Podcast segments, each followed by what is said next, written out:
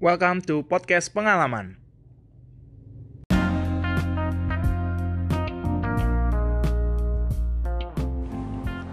Halo semuanya, sampai di episode selanjutnya dari podcast pengalaman.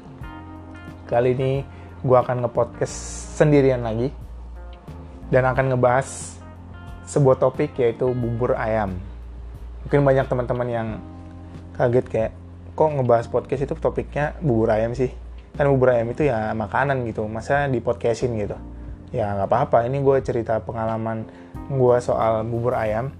Yang mana sebenarnya pengalaman ini tuh udah sangat lama ya.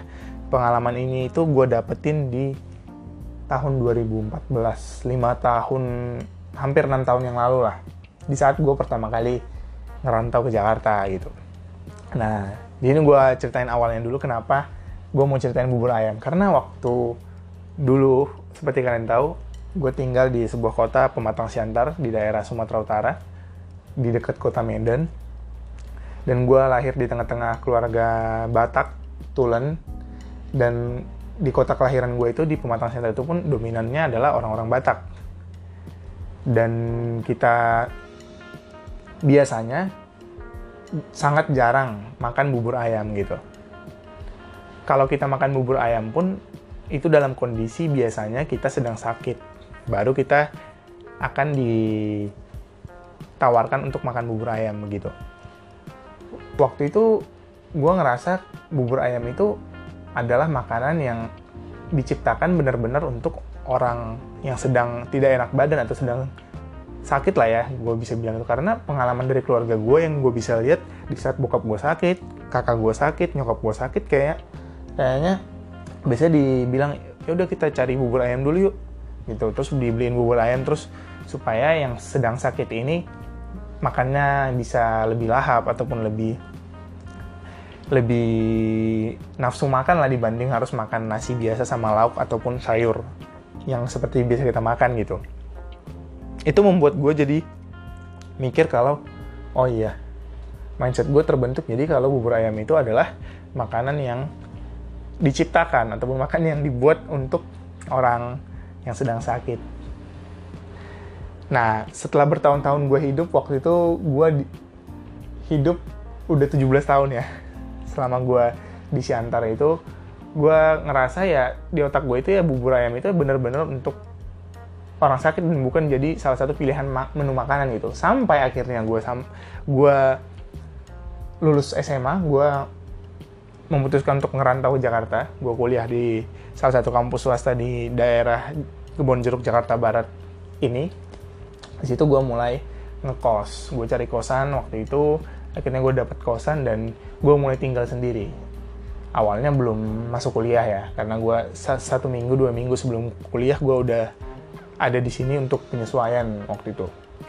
Gue di sini tinggal di kos dan gue waktu itu sedang lagi cari sarapan, gue jalan di sekitaran kosan yang notabene masih deket area kampus lah ya. Gue jalan waktu itu, gue cari-cari makan sarapan, karena waktu itu kan gue mikir ya cari sarapan, ya cari nasi lah, terus cari kue-kue ataupun cari makanan-makanan yang biasa gue dapetin di kota kelahiran gue waktu itu. Dan akhirnya gue ketemu dong sama penjual bubur ayam, abang-abang penjual bubur ayam yang pakai gerobakan gitu yang kaki lima lah modelnya. Gue liat loh oh ada jual bubur ayam juga di sini ya gitu. Gue agak heran gitu karena selama yang gue tinggal di kota gue kota kelahiran gue itu gue kalau mau beli bubur ayam itu adalah bubur ayam yang dijual di restoran atau di rumah makan gitu. Jadi kalau kita mau ini sekedar informasi aja kalau kita mau cari bubur ayam di tempat gue itu dulu kita harus datang ke restoran atau ke rumah makan terus kita pesan bubur ayam. Baru oh iya mereka akan buatkan. Ya penjual bubur ayam itu bener ada tapi di rumah makan atau di restoran bukan penjual bubur ayam aja gitu. Terus gue mikir loh kok di sini ada jualan bubur ayam ya?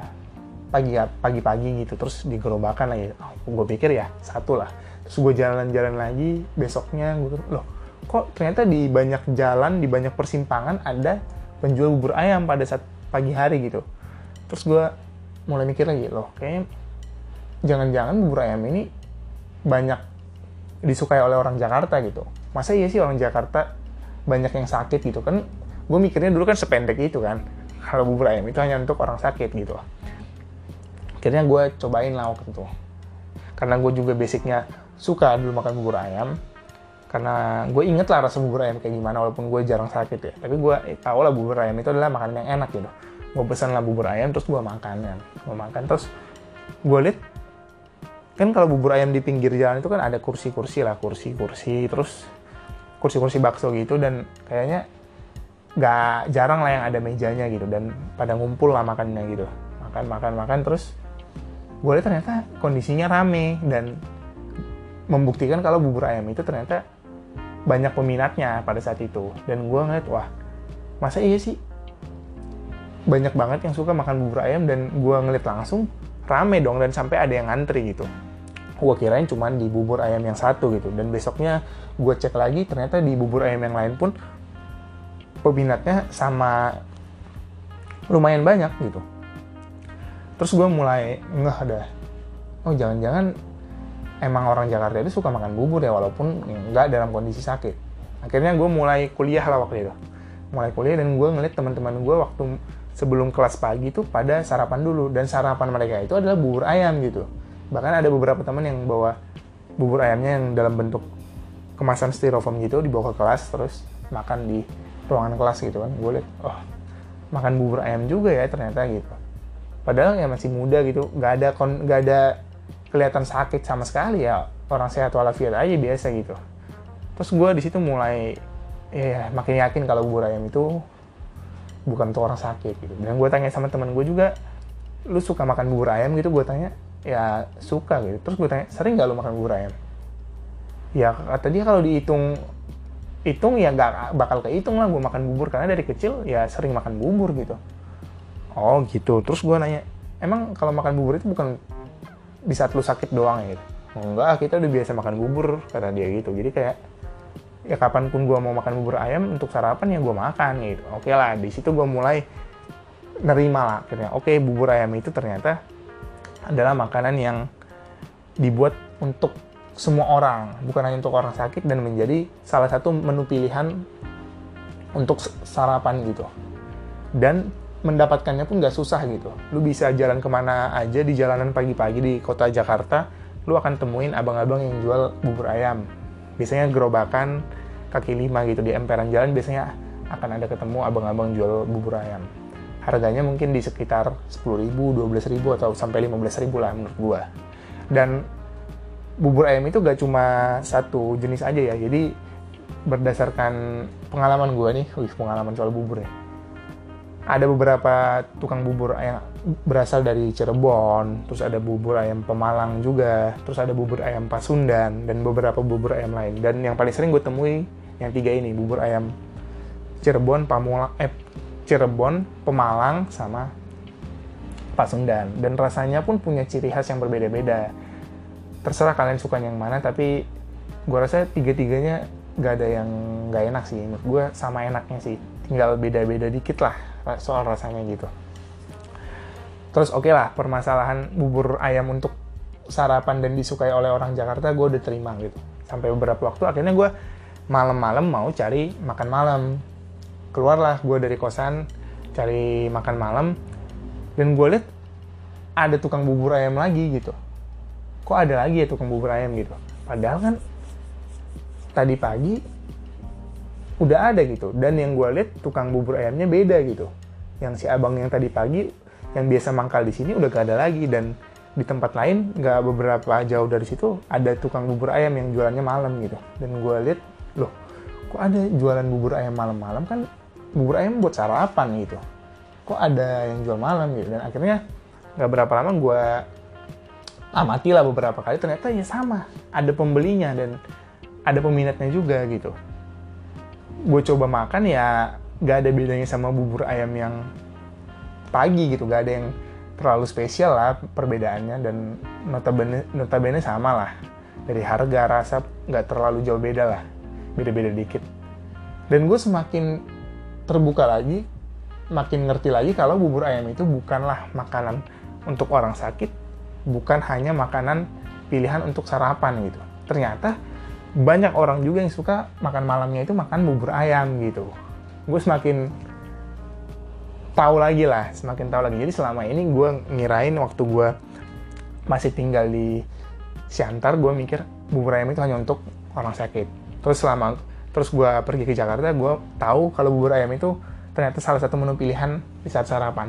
Dan nggak sampai di situ aja ternyata bubur ayam itu juga salah satu pilihan orang di saat makan malam gitu. Dan banyak orang yang suka makan bubur ayam di saat malam gitu. Karena menurut gue kayak jarang sih gitu. Dulu sangat jarang sih bisa menemukan orang makan bubur ayam gitu pada malam hari.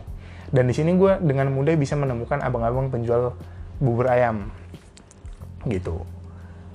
Setelah gue mulai perkuliahan secara rutin setiap harinya gue mulai ngikutin gaya hidup di sini dan akhirnya gue mulai terbiasa lah ya makan sarapan siang dan malam. Gue udah punya tempat pilihan gue untuk makan gitu yang paling menurut gue enak di lidah gue gitu. Dan ya sebagai anak kuliah kalau untuk sarapan sih makan bubur ayam boleh lah gitu. Tapi kalau untuk makan siang dan makan malam menurut gue kurang cocok kali ya. Karena kalau makan bubur ayam kan itu kan kenyangnya sebentar ya. Gue bisa bilang sejam dua jam terus habis itu kayaknya lu akan lapar lagi gitu. Sejam dua jam itu kayaknya waktu maksimal bubur itu mengenyangkan lu gitu. Kalau udah di jam ketiga atau jam lebih dari dua jam kayaknya efek rasa kenyang dari bubur itu akan hilang sih menurut gue jadi kalau lu makan siang dan lu seorang anak kuliahan dan lu anak kos kayaknya menurut gue bukanlah hal yang bijak kalau lu memilih makan bubur ayam gitu untuk siang hari. Karena ketika lu makan siang jam 1 siang lu makan bubur ayam ya entah itu ada yang jual entah enggak ada bubur ayam lu beli bubur ayam di jam 1 siang atau jam 12 siang kayaknya itu sangat sayang sih. Karena lu kenyangnya akan cuma dua jam terus lu lapar lagi dan di mana lu adalah anak kos yang anak kos adalah harus sangat memperhatikan budget pengeluaran setiap harinya. Kayaknya lu kalau lapar dua jam setelah lu makan bubur tadi lu harus makanan mak, cari makan makanan yang berat kayaknya lu akan keluarin duit dua kali gitu menurut gua. Jadi tips untuk kalian anak kos karena gue udah ngelaluin sebagai anak kuliahan yang ngekos jangan makan bubur ayam di siang hari atau malam hari. Menurut gua makan bubur ayam itu adalah waktu yang paling pasnya itu pagi hari gitu. Kalau dilihat dari pagi hari kayaknya kurang bijak aja kalau lu makan bubur ayam. Mending cari makanan lain lah yang harganya nggak jauh beda dari bubur ayam gitu. Dibanding lo harus keluarin bubur, harga bubur ayam misalnya sepuluh ribu.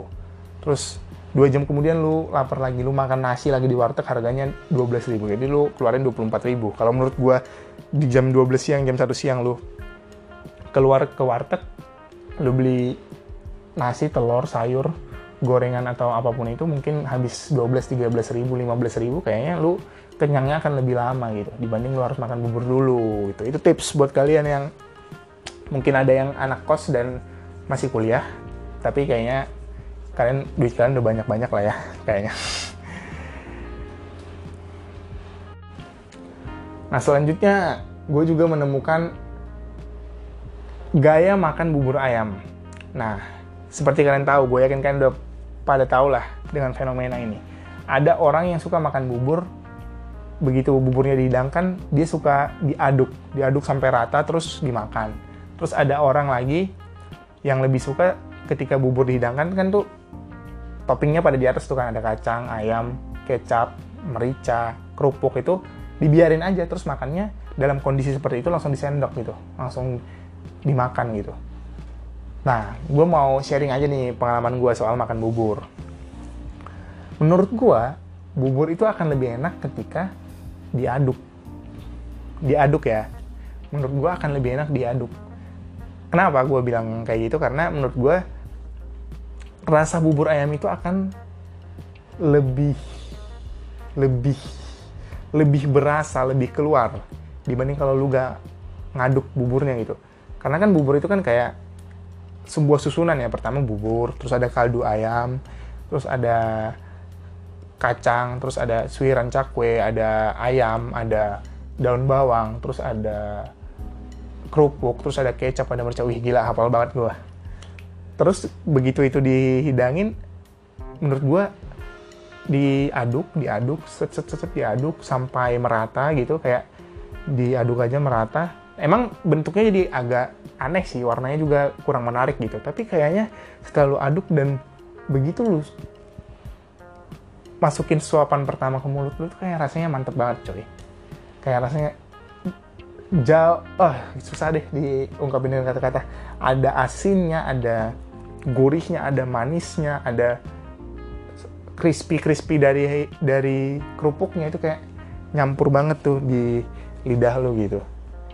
Itulah alasan gue kenapa lebih suka diaduk dibanding. Ini nih perspektif gue kalau ngeliat orang makan yang bubur tidak diaduk.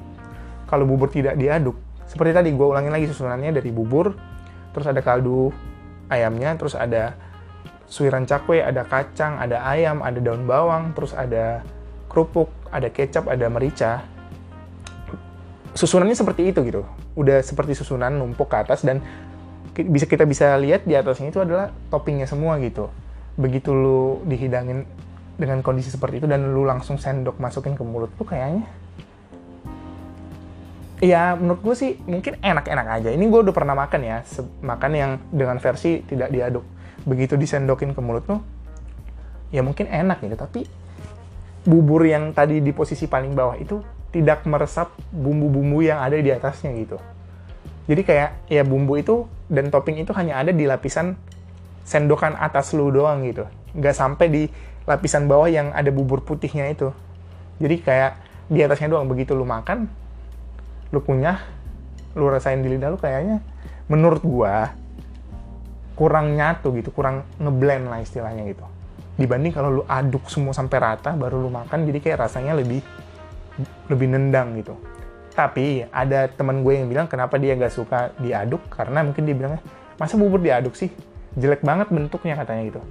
Iya juga gue kalau jujur-jujuran soal bentuk kalau bubur ayam lu aduk itu gak ada bentuknya lagi sih emang warnanya juga jelek ada ada coklat ada kuningnya ada item-itemnya dikit terus ada putih terus kalau lu kasih sambal ada merahnya lagi terus diaduk gitu kayak aneh sih warnanya gitu kayak bentuk angin tornado gitu sih dari atas sih ya kayak angin tornado gitu. Terus kalau lu yang versi nggak diaduknya lu akan lihat bentuknya itu eye catching banget sih. Tuh di atasnya ada ayam ada kerupuk terus ada kecapnya juga terus ada warna hitamnya dong berarti kan kecap kan kecap. Terus ada sambelnya di sudut mangkoknya gitu. Kayak enak lah kalau lu foto pun kalau lu posting tuh kayak mengundang selera banget. Dibanding tadi yang udah diaduk lu foto sumpah jelek banget sih. Kalau orang lihat pasti apaan sih ini? Nggak jelas gitu. Tapi kalau yang belum diaduk lu foto gitu lu taruh di Instagram lu di Facebook ataupun di sosial media lu kayak bakal menarik sih. Bakal ada yang ngasih love lah gitu. Ih gila. Terus ada yang ngasih angka 100 gitu. Ngasih thumbs gitu. Wah keren enak gitu. Kayak memancing orang gitu bikin lapar gitu. Itu sih kalau yang gua rasa di uh, bubur yang tidak diaduk dengan yang diaduk gitu. Gue bukan bilang orang yang makan bubur tidak diaduk itu gak enak ya. Itu terserah orang terserah kalian sendiri sih. Tapi gue kayak menyarankan buat kalian yang makan bubur tidak diaduk cobalah untuk diaduk itu rasakan sensasinya ketika bubur itu diaduk gitu. Rasakan ngeblendnya rasa itu dari gurih asin ada manisnya juga ada pedes-pedes ladanya juga diaduk dengan taburan kerupuk itu terus kalau lu makan di mulut tuh uh, enak banget sih. Buat kalian sih gue saranin cobain lah.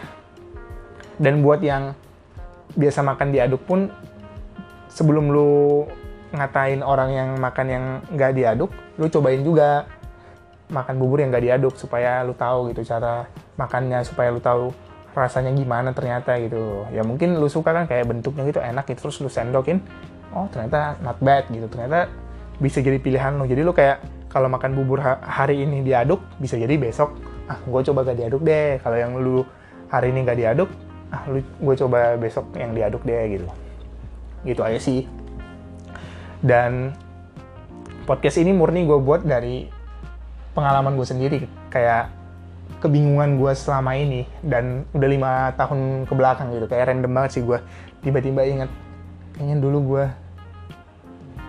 pengen makan bubur kok tiba-tiba keinget ini gitu. Dan kayaknya gue besok atau dalam waktu secepatnya gue harus makan bubur ayam sih.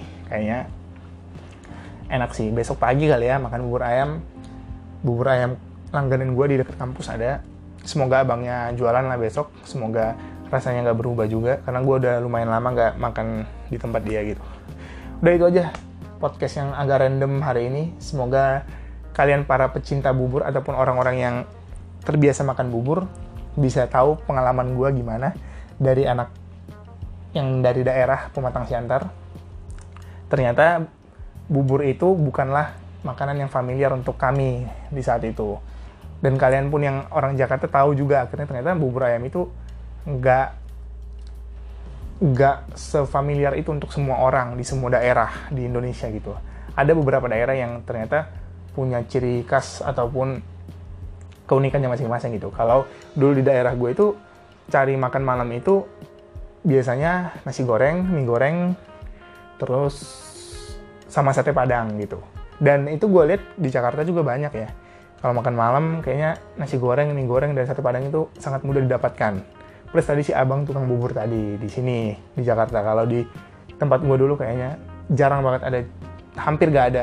Gue bisa bilang hampir gak ada tukang jualan bubur ayam di pinggir jalan dengan gerobakan kaki lima gitu. Hampir nggak bisa ditemuin deh. Kalau di Jakarta kayaknya mudah banget gitu. Udah itu aja mungkin di episode kali ini. Jadi ini podcast pengalaman pertama kali judulnya bawain topik menu makanan nanti mungkin next time ada topik-topik podcast dengan menu makanan lainnya mungkin apa sate padang, bakso, rendang ataupun apa pun itulah mungkin nanti akan ada di podcast-podcast selanjutnya. Thank you banget udah dengerin podcast pengalaman sampai di episode kali ini. Sukses terus buat kalian semua. Sampai ketemu lagi di podcast berikutnya. Bye bye.